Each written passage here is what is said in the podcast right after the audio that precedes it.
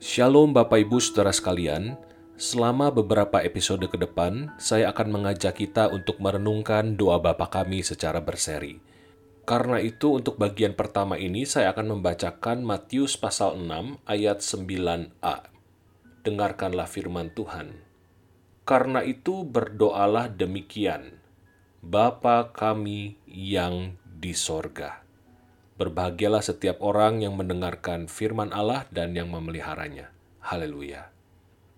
Almarhum Gus Dur pernah melontarkan sebuah lelucon tentang tiga orang yang lagi memperdebatkan agama siapa yang paling dekat dengan Tuhan.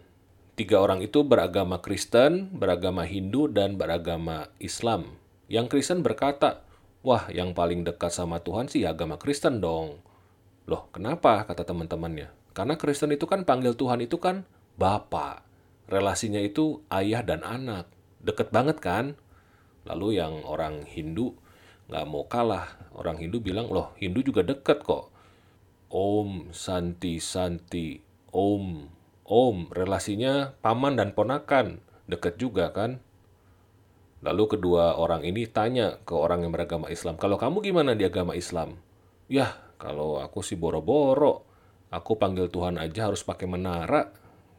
Orang Kristen memang terkenal punya panggilan yang sangat unik, sangat intim untuk Tuhan, yaitu Bapa. Saya mengamati tidak sedikit akhirnya orang Kristen ini kebablasan. Sebagian orang Kristen ini bablas memperlakukan Tuhan ya seperti manusia. Di satu sisi memang betul sekali Tuhan itu memang sangat dekat dengan kita.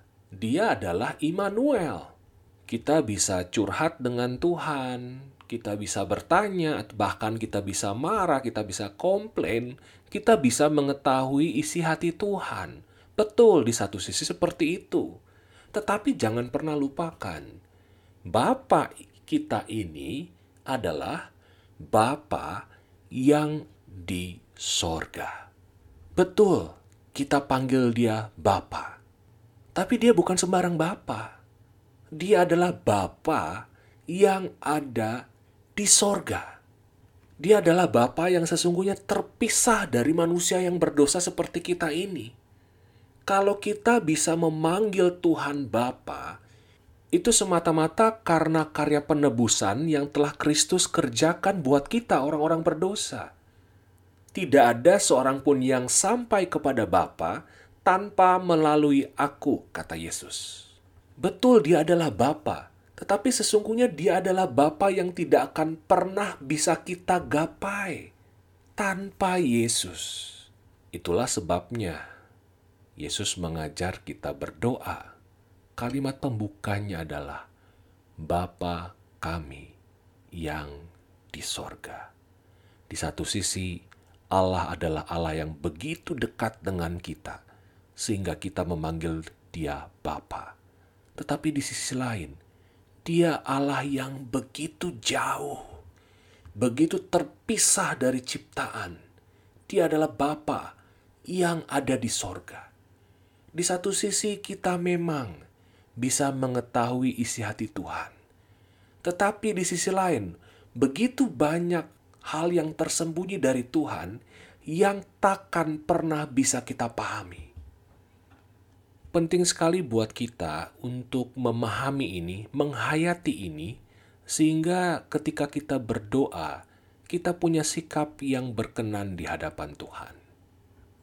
Setiap kali kita berdoa, betul Tuhan itu begitu dekat dengan kita. Kita bisa ngomong apa adanya, kita bisa sampaikan isi hati kita, kita bisa bertanya, kita bisa berdebat dengan Tuhan kita bisa komplain. Kita bisa minta ini dan itu. Kita bisa menyampaikan kepada Tuhan, saya tuh kehendaknya begini Tuhan. Namun pada akhirnya, kita mesti menyadari bahwa dia adalah Bapa yang di sorga. Dia itu Tuhan. Kita ini hanyalah setitik noda hitam di tengah samudra jagat alam semesta ciptaan Allah. Kalau kita terus berjuang untuk menghayati ini, maka di dalam setiap doa kita hanya satu hal yang paling penting buat kita. Jadilah kehendak Tuhan, bukan kehendakku. Ketika misalnya kita merasa sedang membutuhkan sesuatu, lalu kita berdoa kepada Tuhan, kita minta, Tuhan, tolong berikan ini, tolong berikan itu. Tuhan, aku maunya begini, aku maunya begitu. Silahkan kita sampaikan semua isi hati kita kepada Tuhan, Bapa kita. Toh kita tidak akan pernah bisa menutup-nutupi isi hati kita di hadapan Tuhan. Kita bisa bicara apa adanya. Tapi ingat juga, dia adalah Bapa yang di sorga. Jalannya bukan jalan kita. Pikirannya tidak akan pernah bisa terselami oleh pikiran kita. Selamat menikmati relasi dengan Bapa yang di sorga. Tuhan memberkati kita semua. Amin.